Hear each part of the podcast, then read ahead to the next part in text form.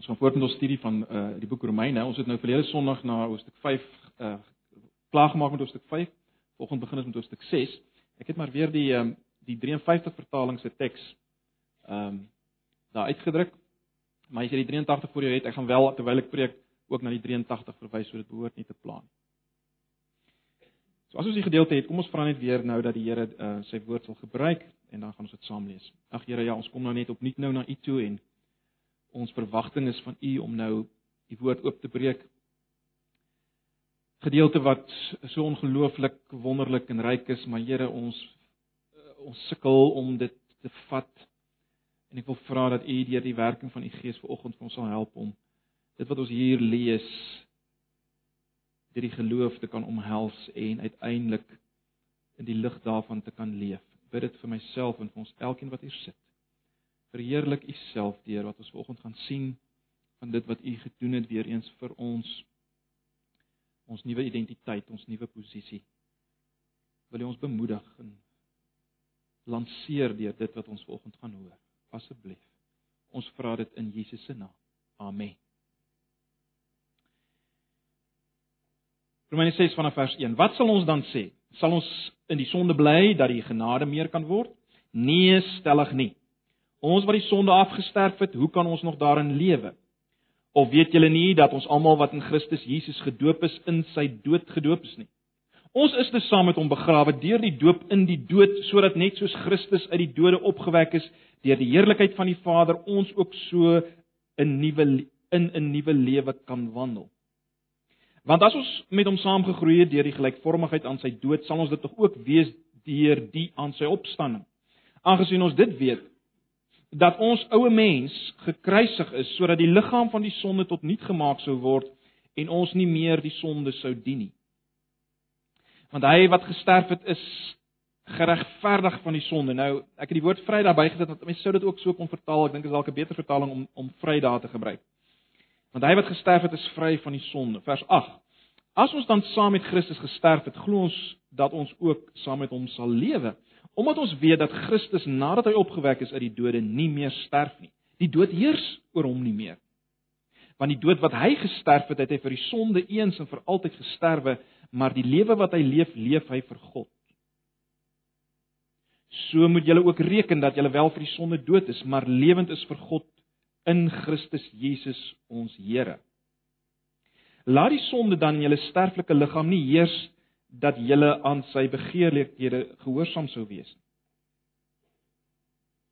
En moenie julle lede stel tot beskikking van die sonde as werktuie van ongeregtigheid nie, maar stel julleself tot beskikking van God as mense wat uit die dode lewend geword het en julle lede as werktuie van die geregtigheid in diens van God want die sonde sal oor julle nie heers nie, want julle is nie onder die wet nie, maar onder die genade.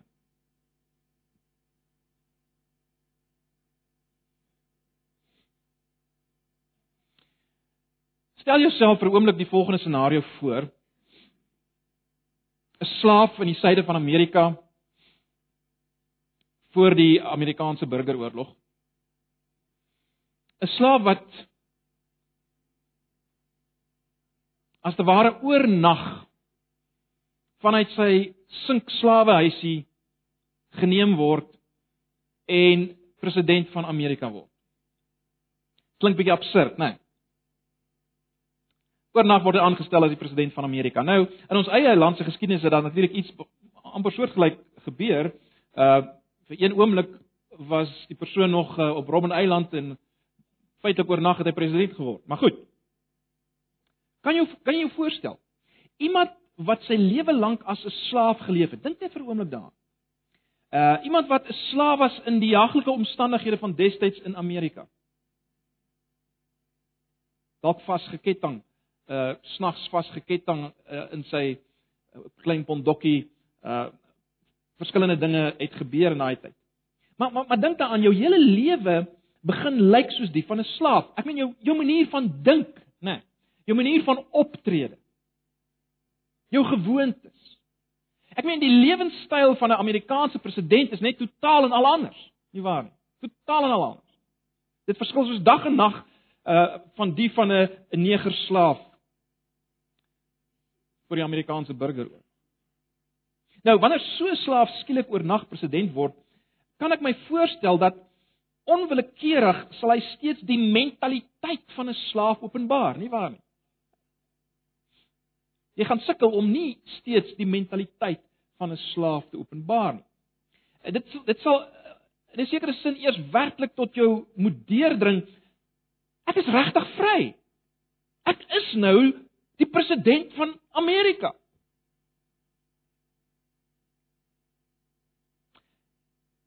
Ek kan ek mag en ek moet begin leef soos 'n president.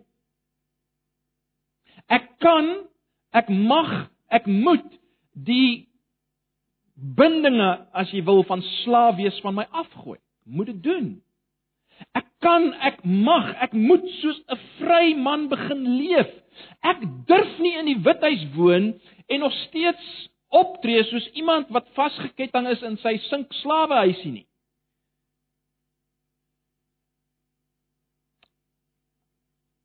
want ek het regtig 'n nuwe status verkry, né?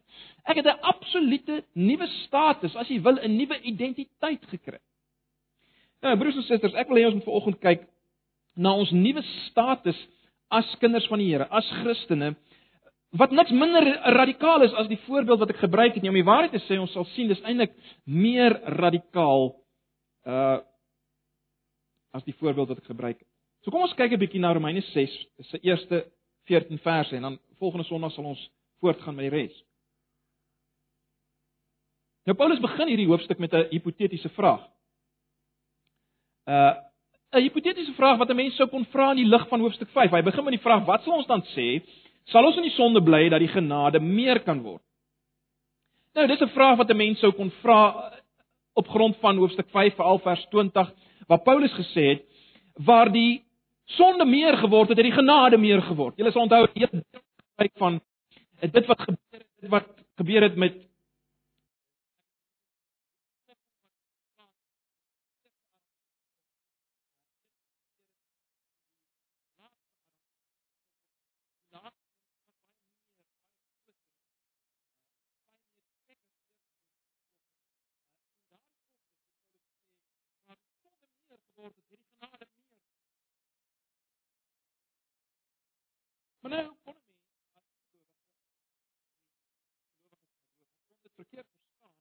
en en dink wel wat Paulus bedoel is dit. Uh as ek nou 'n Christen is, kan ek eintlik maar aangaan met sonde want ag die hoe meer ek sondig, hoe hoe meer genade sal daar wees uh om te handel met die sonde. En Paulus kom antwoord hierdie vraag uh in hoofstuk 6. En in die beantwoording van hierdie vraag in die beantwoording van hierdie vraag kom wys hy vir ons wat nuwe identiteit en wat is die konsekwensies van ons nuwe identiteit in Christus. Uh of wat is die implikasies daarvan? En ek wil hê ons moet volgende daarna kyk onder 'n onder 'n paar hoofde. En die eerste opskrif of hoofie wat ek gegee het wat op julle raamwerk is is dit. Die ou slaaf wat jy was is dood. Baas sonde kan niks meer doen nie.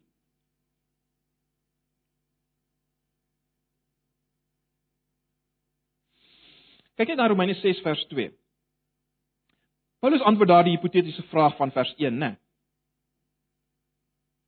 En hy maak dit baie duidelik dat ons 'n totaal nuwe posisie in Christus het. Kom ek lees dit nou hierdie keer in die 83 vertaling. In vers 2 sê Paulus: "Hoe kan ons wat dood is vir die sonde nog daarin voortlewe?" En dan in vers 6b praat hy van sodat ons sondige bestaan beëindig kan word en hy sê ons is dus nie langer in daar gebruik hy die beeld van 'n slaaf in in die nuwe vertaling Ons is dus nie langer slawe van die sonde nie. Vers 6b. En dan kyk net na vers 11. Julle moet dus altyd onthou dat ook julle vir die sonde dood is. sien julle dit? Paulus sê ons was slawe van die sonde. Ons is dit nie meer nie. Hy sê ons is dood vir die sonde. In ander woorde om die beeld te gebruik, sonde was ons slawe baas maar hy is dit nie meer nie. En let wel, sonde is nie meer ons slawe baas nie, nie omdat hy uh weg is of nie meer so hard op ons is nie. Sonde is nie meer ons slawe baas nie omdat ons dood is. Dis wat Paulus sê. Omdat ons dood is. Nou hoe moet ons dit verstaan? Wie is die ons wat dood is? Of wie is die ons wat ons was? Wie is dit? Paulus gebruik die term ou mens in die 53 eh, vertaling of die term ou sondige mens in die 83 vertaling.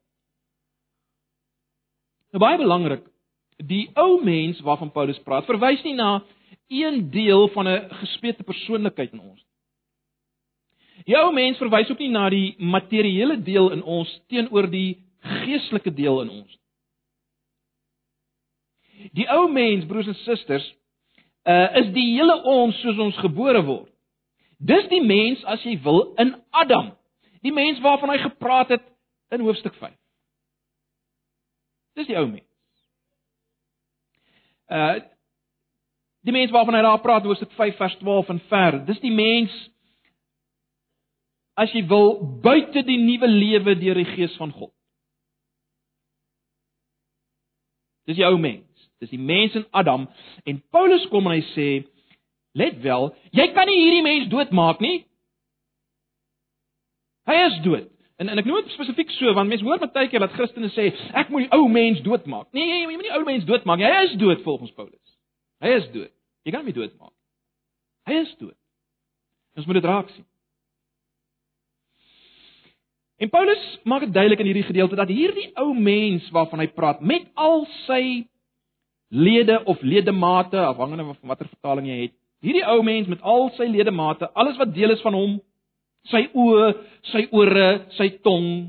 Hierdie mens met al sy ledemate was die totale besitting van die baas sonde. As jy wil die slawe baas sonde. As gevolg van wat gebeur het deur Adam, nê, nee, as jy nou terugdink aan verlede Sondag, as gevolg van die Adam ontploffing om my beeld te gebruik.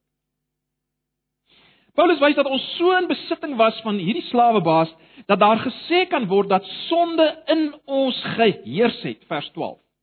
Ons was so die besitting van hierdie slawebaas dat 'n mens sou kon sê sonde het in ons geheers, soos dit in vers 12 noem. En die manier waarop sonde in ons geheers het, was deur begeertes. Dit was deur begeertes. As jy dit so wil stel, die manier waarop hy gesorg het ons doen sy werk, die manier waarop hierdie sondebaas gesorg het ons doen sy werk was deur begeertes. Uh mens kan sê begeertes was die dinge wat hierdie slawebaas gebruik het om in ons te heers. Uh om 'n beeld te gebruik, dit uh As jy nou dink aan 'n plaas waar 'n ou sou boer, mens kan sê hierdie begeertes was die die plaasimplemente. Let wel, die plaasimplemente wat aan ons behoort of behoort het. Die plaasimplemente wat aanvanklik deur God vir ons gegee is vir ons voordeel en om te gebruik uiteindelik in diens van God om hom groot te maak. Dis die plaasimplemente. Dis die begeertes. In ander woord, ten diepste moes hierdie plaasimplemente, hierdie begeertes in diens van God gebruik word. Dis waarvoor ons begeertes daar is. Dit dis dit dit dit werk vir ons. Maar dit werk vir ons om die beeld te gebruik sodat ons God kon grootmaak. En en en nou het die slawebaas dit in besit geneem. Die slawebaas sonde. Dis dis iets daarvan wat Paulus probeer sê, dis nou maar 'n beeld wat ek probeer gebruik. Hy het nou beheer oor hierdie plaasimplemente en hy sorg dat ons nou hierdie plaasimplemente begeertes gebruik in sy diens. Ons gebruik dit nou in sy diens. Ons as mense in Adam. Let wel, die begeertes hierdie plaasimplemente is nie is nie sleg in sigself nie. Ekskuus. Dis nie dinge wat in sigself sleg is nie. Dink byvoorbeeld aan die begeerte om te eet, die begeerte vir kos of honger. Uh dis 'n wonderlike begeerte implement want ons kan energie daaruit kry wat ons kan gebruik uh in diens van die Here om te om ons lewens te gee vir sy werk. Maar wanneer sonde dit in besit neem, dan word hierdie begeertes dinge soos brassery. Dis nou oor eet, te veel eet. Dan word dinge soos brassery of anoreksia weer te min eet of bulimie. Al hierdie skeeftrekkinge. Jy sien, as sonde dit in besit neem, dan word hierdie wonderlike gawe iets skeefs. Iets in diens van die slawemeester sonde. En dan word ons tong en ons mond en ons maag word eintlik 'n werker in diens van ongeregtigheid of 'n werktuig in diens van goddeloosheid. Kyk na vers 13, uh net soos jy dit wil stel. Vat die die begeerte vir drink, dors. Dis 'n baie baie goeie implement vir ons, maar maar as sonde dit oorneem in sy diens, dan kan dit uiteindelik lei tot iets soos soos alkoholisme of kafeïenverslawing en en ons tong in die proses word 'n werktuig van van sonde, van ongeregtigheid, van goddeloosheid. Dink net aan hoe lyk dronkmans praatjies, né? Nee. Dan word dit in diens van die slawebaas sonde gebruik om hom groot te maak, nie om God mee groot te maak. Jy kan sien hoe goeie dinge dan in besit kom van die slawebaas sonde. Ons kan dieselfde uh beeld gebruik as ons kom by by die seksuele uh en seksuele satisfaksie. Dieselfde ge, uh, gebeur. Iets soos rus en slaap, uh goeie dinge in sigself, ook dit kan onder beheer kom van die slawebaas sonde en dit kan uiteindelik lei tot lamsakkigheid en luiheid en so ensovoorts wat eintlik wonderlike dinge is wat vir ons gegee is uh tot ons voordeel om uiteindelik meer effektief vir die Here te lewe. Dis wat sonde gedoen. En wat Paulus nou kom sê in hierdie gedeelte in vers 12 van hoofstuk 6 is dat in die lig van Romeine 6 vers 11 en ons sal nou-nou na na vers 11 kyk. Wat Paulus kom sê in 6 vers 12 is dat in die lig van 6 vers 11 en wat ons daar gesien het en net in weer na gaan kyk, moet ons dit nie toelaat nie. Ons moenie toelaat dat hierdie begeertes gebruik word in diens van baas sonde nie. Hy sê ons moet dit nie toelaat nie. Hoekom nie? Want hy het ons gesê ons is dood. Dis hoekom ons dit nie meer moet toelaat. In Romeine 6 vers 6 het hy gesê ons is nie langer slawe nie, 83 vertaling. Ons is nie meer slawe nie, ons is dood, so moet dit nie doen nie. Uh, net so terloops die woord slawe is interessant dat hy uh die agtergrond as mens nou dink aan aan aan die aan die volk in Egipte wat slawe was en nou ons as nuwe verbondsmense in die lig van die beloftes aan Abraham is nie meer slawe nie. Ek ek noem dit net terloops as mens dink aan die groter prentjie. Maar goed, die punt is Paulus sê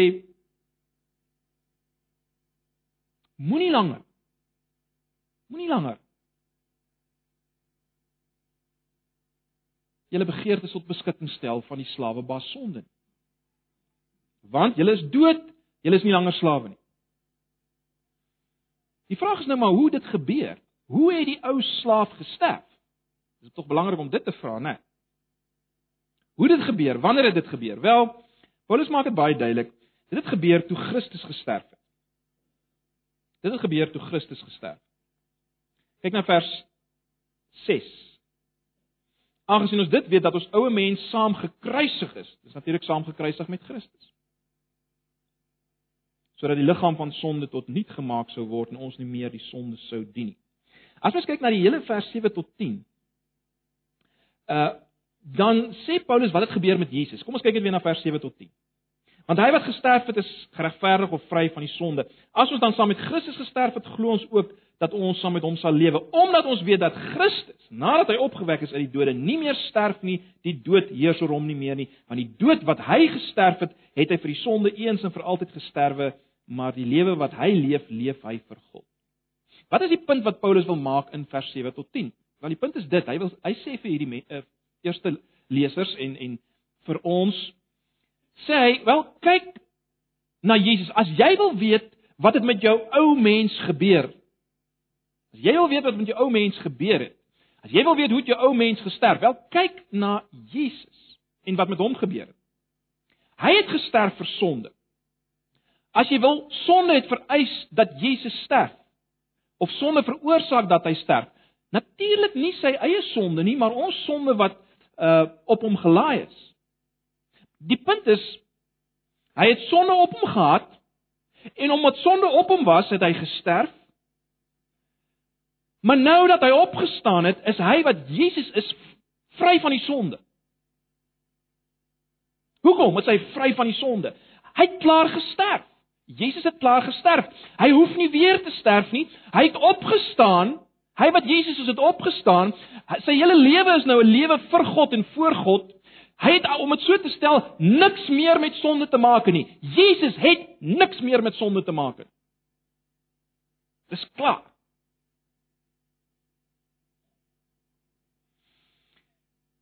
Dit bring ons by punt 3 op die raamwerk. Nou sê Paulus in vers 11: Onthou presies dieselfde is waar van julle. Presies dieselfde is waar van julle. Hoe kan dit wees? Wel, kyk net weer na vers 3 tot 5. Kyk net weer na vers 3 tot 5. Of weet julle nie dat ons almal wat in Christus Jesus gedoop is, in sy dood gedoop is nie? Ons is te saam met hom begrawe deur die doop in die dood, sodat net soos Christus uit die dode opgewek is deur die heerlikheid van die Vader, ons ook so in 'n nuwe lewe kan wandel, want as ons met hom saamgegroei het deur die gelykvormigheid aan sy dood, sal ons dit tog ook wees deur die aan sy opstanding. In ander woorde, Paulus sê dit wat by julle doop gebeur het, was 'n afbeelding Dit was as te ware 'n fisiese afbeelding van wat geestelik gesproke uit God se perspektief met julle gebeur het. Julle is as te ware ingeplant in Christus se dood. Wat waar is van hom, is waar van julle. En met die doop het julle dit gesê. So ons is dood vir die sonde. Wat beteken dit? Wel, ons is dood vir die sonde in die sin dat ons die mens wat ons was in Adam in Christus was toe hy gesterf het. Toe Christus doodgemaak is vir sonde, toe was daardie ou mens wat ek en jy was in Christus op daai dag en hy daar gesterf. Dis wat Paulus probeer sê. Maar daar het ook nou 'n nuwe mens saam met Christus opgestaan. Jesus staan op as een wat nie meer kan sterf vir sonde nie want die straf vir sonde, die dood is is klaar gedra en ons was in Jesus, sê Paulus. Ons was in Jesus. Ook in sy opstanding is ons een met hom. 'n Nuwe mens het opgestaan, een wat nie meer vir die sonde kan sterf nie. En daarom is ons net soos Jesus klaar is met die sonde, dis die punt. Net so is ons klaar met sonde, met dood Ons is klaar daarmee. Die mens wat opgestaan het, is 'n nuwe mens. Dis 'n mens wat nie meer hoef te sterf vir sonde nie, as straf op sonde nie. Hy het klaar gesterf. Sonde het niks meer met hierdie nuwe mens te maak nie. Sonde het nie meer reg op hierdie nuwe mens. Sonde het geen reg op hom nie. As sonde by wyse van spreek om die beeld te gebruik. As sonde by wyse van spreek na die ou mens kom. Uh die mens wat ek was in Adam, Die mens wat hy kon doodmaak. Die mens wat hy in sy diens kon gebruik. Wel, dan sien hy 'n lijk. As hy na daai ou, ou mens kom, dan sien sonde 'n lijk. Hy's nie meer daar nie. Die ou mens in Adam is nie meer daar nie. In ander woorde, wat Paulus wil sê is dit: Ons is dood vir sonde uit sonde se perspektief. Met ander woorde, so sonde na ons kyk, ons is dood uit sonde se perspektief. Maar as mens dit omdraai. Sonde is ook vanuit ons perspektief iets waarvoor ons dood is. Want ons is nou 'n nuwe mens. 'n Nuwe mens wat saam met Christus opgestaan het. So vir hierdie nuwe mens bestaan sonde in daardie sin nie meer nie, net soos dit vir Jesus nie meer bestaan nie. In daai sin bestaan sonde nie meer vir die nuwe mens nie. Jy sien die twee het niks meer met mekaar te maak nie. Want 'n nuwe mens het opgestaan. Net so terloops, die opstanding is natuurlik iets geweldigs. Uh, as mens nou heilshistories daaraan dink, die Jode het verwag dat aan die einde van alle tye dan gaan daar 'n groot opstanding wees. Paulus sê die opstanding het vir gelowiges klaar plaasgevind in Jesus. Dis 'n geweldige ding wat hy sê. So ons is nou al reeds die nuwe volk van God. Dit gaan nie eers aan die einde gebeur nie. Ons is nou al reeds dit. Ons het al reeds opgestaan uh as nuwe mense. Die punt is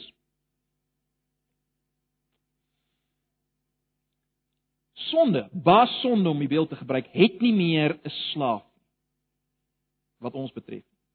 Hy kan nie meer heers, regeer, baas speel oor ons nie. Ons begeertes is nie meer sy werktuie nie. Dis wat Paulus sê. 'n Volgende ding wat hy sê is dit en dit bring my by punt 4. Die ou uh ek het ek het die opskrif so gestel, die ou slaaf wat jy was is dood, baas wet kan ook niks meer doen nie. Kyk na vers 14, ek lees dit in die 83 vertaling. Die 83 vertaling sê die sonde moet nie meer baas wees oor julle nie want julle staan nie onder die wet van Moses nie maar onder die genade. Nou die 53 uh, vertaling stel dit so, hy sê want die sonde sal oor julle nie heers nie want julle is nie onder die wet nie maar onder die genade. En dis die dis die dis die beter vertaling hoor. Dis die dis die meer letterlike vertaling. Die sonde sal oor julle nie heers. Ag ek ekskuus die uh, uh, ja die die sonde sal oor julle nie heers Ons het nou gesien met ander woorde ons is dood vir sonde ons is nie meer slawe van sonde nie vers 6 En nou kom vers 14 hy sê sonde sal ons sal nie oor ons heers nie want ons is nie onder die wet nie dit klink amper nie of die twee pas nie. En ek dink die implikasie kan net een ding wees. En is dit ons is ook dood vir die wet. Ons is ook dood vir die wet.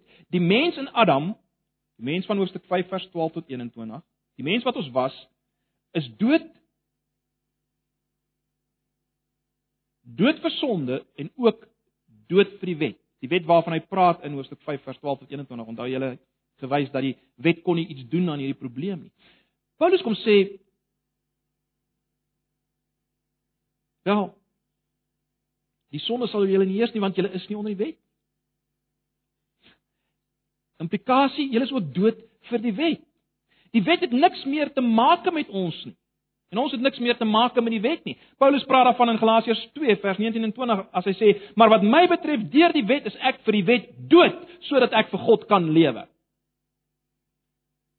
radikale terme. Deur die wet is ek vir die wet dood, met ander woorde as gevolg van die straf van wetsverbreeking is ek deur die wet dood, dis wat hy bedoel.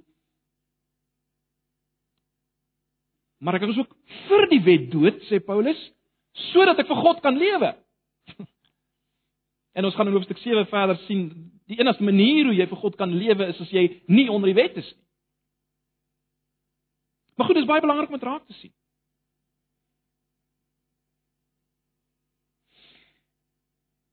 Onthou ons het nou vir mekaar gesê baas sonde heers deur begeertes in ons. Begeertes wat ek gesê is basies daardie plaasimplemente wat goed in sigself is, maar wat hy gesteel het en hy gebruik dit hy hy hy, hy, hy gee dit as ware vir ons om vir hom te gebruik as ek dit so kan stel. En wat hy nou doen is dat hy kom nou na die nuwe mens wat ek is. Dis baie belangrik om dit raak te sien.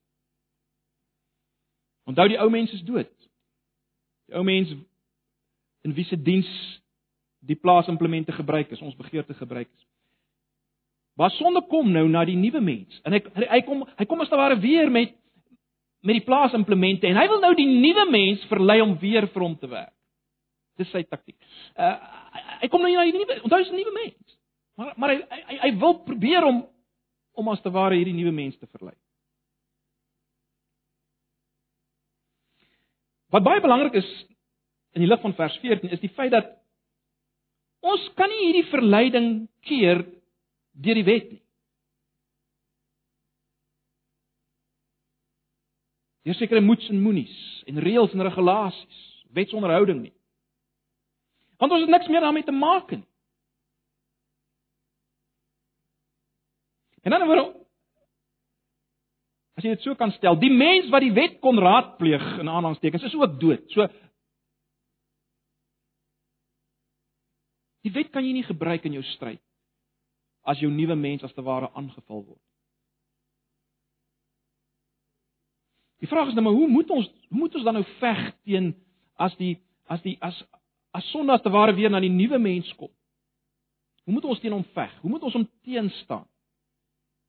Hoe moet ons hom teenstaan? Wel kyk dan vers 11. Ek lees dit in albei vertalings. Julle moet dus altyd in in hierdie sleutelwoord onthou dat julle ook vir die sonde dood is, maar vir God lewe omdat julle een is met hom. Dis die 83 vertaling. Die 53 sê: So moet julle ook reken dat julle wel vir die sonde dood is, maar lewend is vir God in Christus Jesus ons Here. So hoe veg ek om dit so te stel teen versoeking? Wat doen ek as sonde na die nuwe mens kom en weer probeer om my te verlei om my begeertes in sy diens te stel? Al baie belangrik. Ek staan dit te of ek veg teen dit as iemand wat vry is. As iemand wat nuut is. As iemand wat 'n gesagsposisie het. Ek veg as iemand wat nie hoef te luister vir die sonde nie want ek het eintlik niks meer met hom te maak nie. Ek is 'n nuwe mens. Hy het iets te maak gehad met die ou mens, maar nie met die nuwe een. Ek veg, ek staan hom te vanuit hierdie nuwe identiteit. In ander woorde, ek moet verstaan sonde is nie meer my baas nie. Ek hoef nie meer vir hom te werk nie. Ek hoef nie meer vir hom te werk nie. Dis so goed jy het vir iemand gewerk.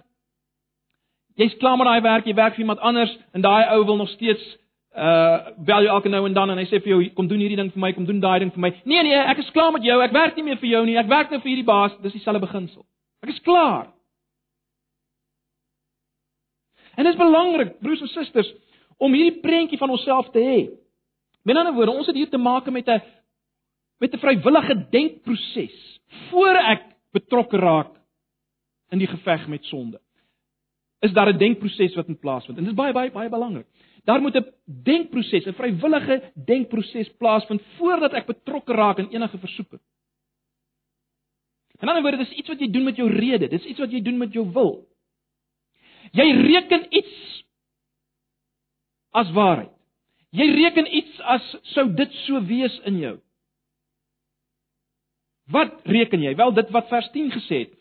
Hy het gesterwe Jesus en is eens vir altyd vir die sonde dood. Nou lewe hy en hy lewe vir God. Dis wat vers 10 sê. Vers 11 sê: "Reken nou dis wat met julle gebeur het." Sê dit vir jouself. Ek het gesterwe eens en vir altyd. Nou lewe ek en ek lewe vir God.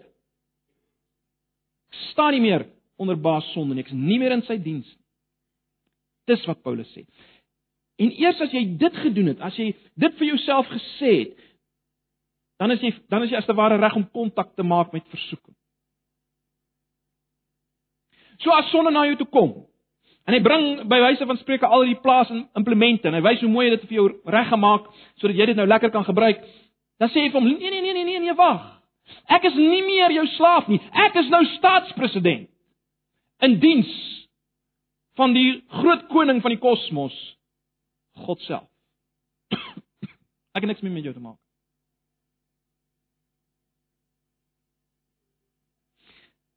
Julle sal oplet dat vanaf vers 12 is daar baie moet dan of daarom uitsprake. Aktiewe betrokkenheid van jou wil, maar baie belangrik, dit kom nadat daar gepraat is oor jou nuwe identiteit. Dis gebaseer op jou nuwe identiteit wat beskryf is in vers 11. Met ander woorde, wat ek probeer sê is dit: as As ons praat oor jou jou stryd teen sonde, jou stryd teen versoeking, dan is dit nie maar net 'n kwessie van jy moet nee sê nie. Ons hoor baie keer mense sê, "Ja, jy moet net nee sê vir die sonde." Nou, dis die helfte van die waarheid. Ek moet nee sê vir die sonde. Verseker moet ek nee sê. Maar baie belangrik, ek sê nie net nee vir die sonde nie.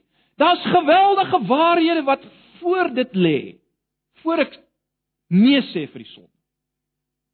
En as ek nie daai waarhede voor die tyd verstaan nie, dan is die kans baie min dat ek gaan nee sê vir die sonde want ek gaan net nie sien hoekom nie. Ek gaan nooit die genoeg motivering hê nie. En dis baie belangrik. Natuurlik moet ons nee sê. Ons moet as te ware kies om nee te sê vir die sonde, nee te sê vir die begeertes. Van die begeerte tot welis en uh oorvreet en alles. Ek moet nee sê daarvoor. Maar baie belangrik, daar's soveel meer. Ek moet dink wat God vir my gedoen het in Christus. Wie ek nou is in Christus. Wie hierdie God is aan wie ek nou behoort. Jy sien, hoe meer ek dit bedink, hoe meer besef ek dis nie meer net 'n kwessie dat ek moet nee sê nie. Ek wil nee sê. Want ek het soveel meer. Niemand hoef meer vir my te sê, man sê net nee vir die sonde nie. Niemand hoef net vir my te sê nie, ek wil nee sê vir die sonde en ja sê vir God want ek het gesien wie is ek nou? Wat het ek nou as staatspresident? In Christus. En daarom sê ek nee. En dit is baie belangrik. Dis hoe ons die die stryd teen sonde moet voer. Anders gaan jy altyd verloor. En let wel, ek sê weer, jy kan nie deur die wet die, die geveg voer nie. Hoe, ek moet net beter doen. Ek moet net meer Bybel lees. Hoe, ek moet net meer bid, want dan gaan ek die sonde oorwin. Nee, nee, nee, jy gaan dit nie maak nie. Jy gaan dit reg kry nie. Bedink wie jy is in Jesus, jou nuwe posisie. En dan sê jy nee.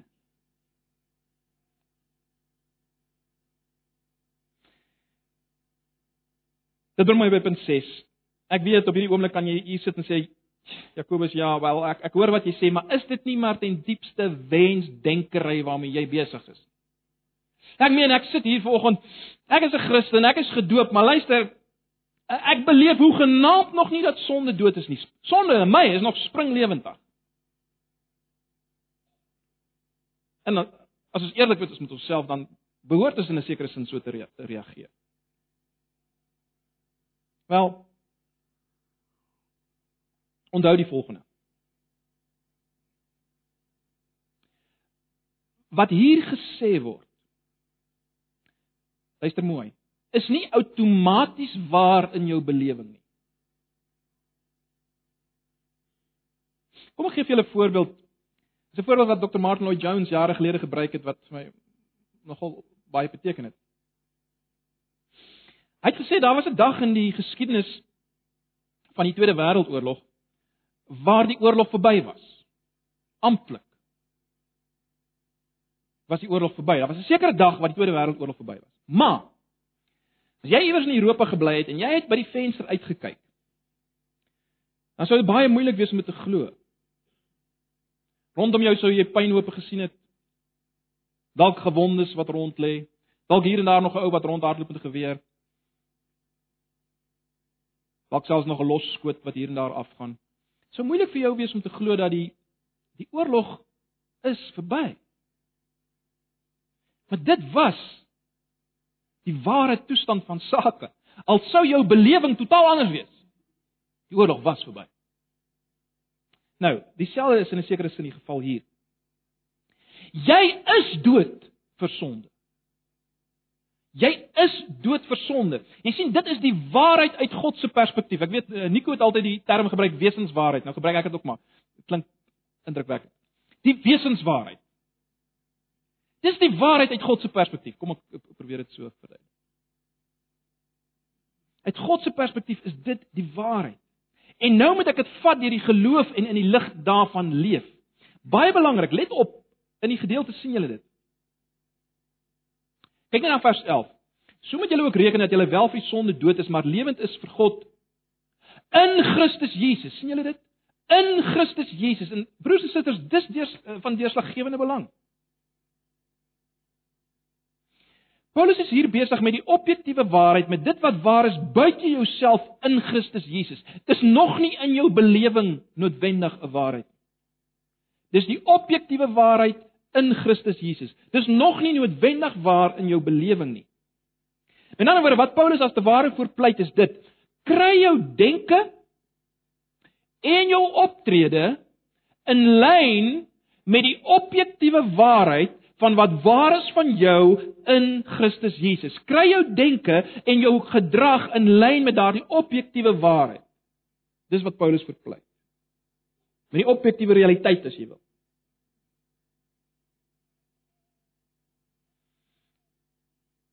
Sê vir jouself, ek het saam met Christus gesterf. Die ou mens is dood, 'n nuwe mens het opgestaan. Uh ek is een met hom.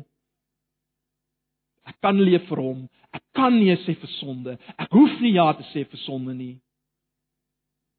Sonde sal oor my nie heers nie. Alles wat hy hier sê, né?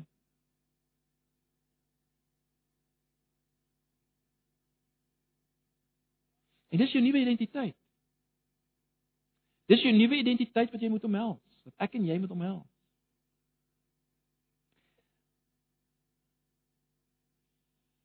Ag, ek sluit af met een of twee opmerkings.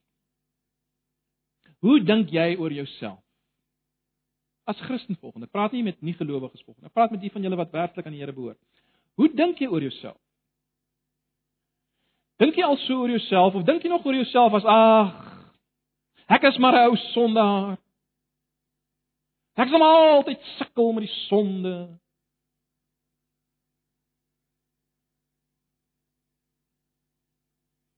Dink jy oor jouself in die lig van wat Romeine 6 sê? Dis baie belangrik. Hoe dink jy oor jouself? Die stryd word gewen as ek dit so kan stel. Of as ek dit anders stel, die stryd sal nooit gewen word. Jou stryd teen sonde sal nooit gewen word as jy nie hierdie nuwe posisie inneem nie en jou jou jou jou denke en jou gedrag in lyn bring met hierdie objektiewe realiteit wat waar is van jou in Christus Jesus. Dit is belangrik hoe jy oor jouself dink. Net 'n tweede opmerking. Jy wat hier sit as 'n gedoopte. sien jy wat jy gesê het voor almal met jou doop? Ag ons het al baie daaroor gepraat by doopgeleenthede. Ek wil hê ons moet weer daaroor dink. As Here wil ons binnekort weer 'n doopgeleentheid hê. Maar dink 'n bietjie daaroor. Wat het ek gesê met my doop? Ek sê met my doop dat dit is wat met my gebeur het. Ek sê vir julle almal, dis wat met my gebeur het. Ek het die ou mens is dood, het gesterf soos ek daar onder die water ingaan, gesterf, 'n nuwe mens het opgestaan. Dis wie ek nou is. Ek sê dit vir julle almal. Baie radikaal, is dit nie? Maar die praktiese betekenis daarvan is natuurlik broers en susters dat as ek dit gesê het met my doop, dan moet dit in my praktiese lewe na vore kom. Kan julle sien en en dit is so belangrik dat ons dit sal sien want baie keer kan die oproep tot Christene dat jy moet anders wees, dat jy anders moet dink, dat jy ander dinge behoort te lees, ander dinge behoort te kyk, ander plekke behoort te besoek, ander musiek behoort te luister en so meer en so meer. Dit word baie keer gesien as bloot wettiese uh, goeters wat gelaai word, nog goeters en ag uh, dit het eintlik geen ek ek ek wil dit nie doen nie en Maar kan jy sien dat dan moet 'n verandering wees in die lig van hierdie objektiewe realiteit. Die ou mens wat jy was is dood. Dis 'n nuwe mens wat vir God leef. So op aarde kan jou manier van dink nie nuut wees nie. Jou manier van optree. Dit waarvan jy hou en nie hou nie tot 'n eh, tot 'n groot mate. Ek ek sê nie jou jou hele persoonlikheid verander nie natuurlik nie, maar dit word vernuwe. Jy met jou bepaalde persoonlikheid en gawes en ensovoorts gaan anders begin leef. Met jy as jy ja, jy word nie ander mens nie, maar maar maar jy's 'n nuwe mens. So dit is belangrik dat ons osself sal afvra. Alles wat ek doen met my om Paulus se beeld te gebruik, die lede van my liggaam. Alles wat ek doen met my oë, my ore, my verstand, my hande, my voete, As ek sê 'n nuwe mens het opgestaan, dan dan moet daar tog 'n verandering wees tussen wat ek nou doen en wat ek gedoen het voor dit waar was van my. Anders is daar fout. Anders is ek soos die die slaaf dink weer aan daai beeld. Anders is ek soos die slaaf wat president geword het in die withuis bly. Maar ek tree op soos 'n ou wat in 'n sink krootjie bly karring nog daar met kos op die vloer. Belaglik. En wat dink daaroor? Dink daaroor geestelik gesproke, broers en susters. Dis wat die gedeelte wil sê. Dis die praktiese betekenis daarvan. Ag, en dis my oproep tot julle. Leef anders in die lig van die realiteit, maar baie belangrik en daarmee sluit ek af. Baie belangrik. Moet dit nie negatief sien nie. Hoe kan ons dit negatief sien? Dis so goed jy sê vir die uh, vir die slaaf wat nou in in die withuis woon. Ag jammer ek moet nou so negatief wees man, maar uh jy weet jy jy, jy moet dalk beter kos eet en beter klere aantrek en en so meer anders praat en bietjie skoner wees en so voort. Jammer dat ek so negatief is. Jammer dat ek so negatief. Nee, dis positief. Dis positief. Ek wil hê ons moet positief kyk na die feit dat ons anders is en moet wees en kan wees en wil wees. Want ons is nuwe mense wat opgestaan het saam met Christus. Ag broers en susters, mag die Here ons help. Ek weet dis dis vreemd want dit is vreemd aan ons belewing. Maar mag ons dit vat deur die geloof en in die lig daarvan begin leef. Kom ons bid saam.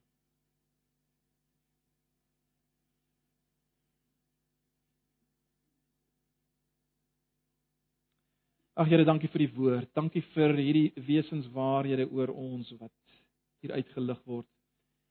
U ken ons. Weet hoe ons sukkel om nie te dink.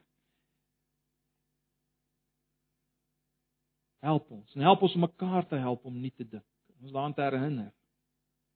Vergewe ons dat ons dikwels nog die mentaliteit het van slawe in plaas van die mentaliteit van staatspresidente in diens van die koning van die kosmos.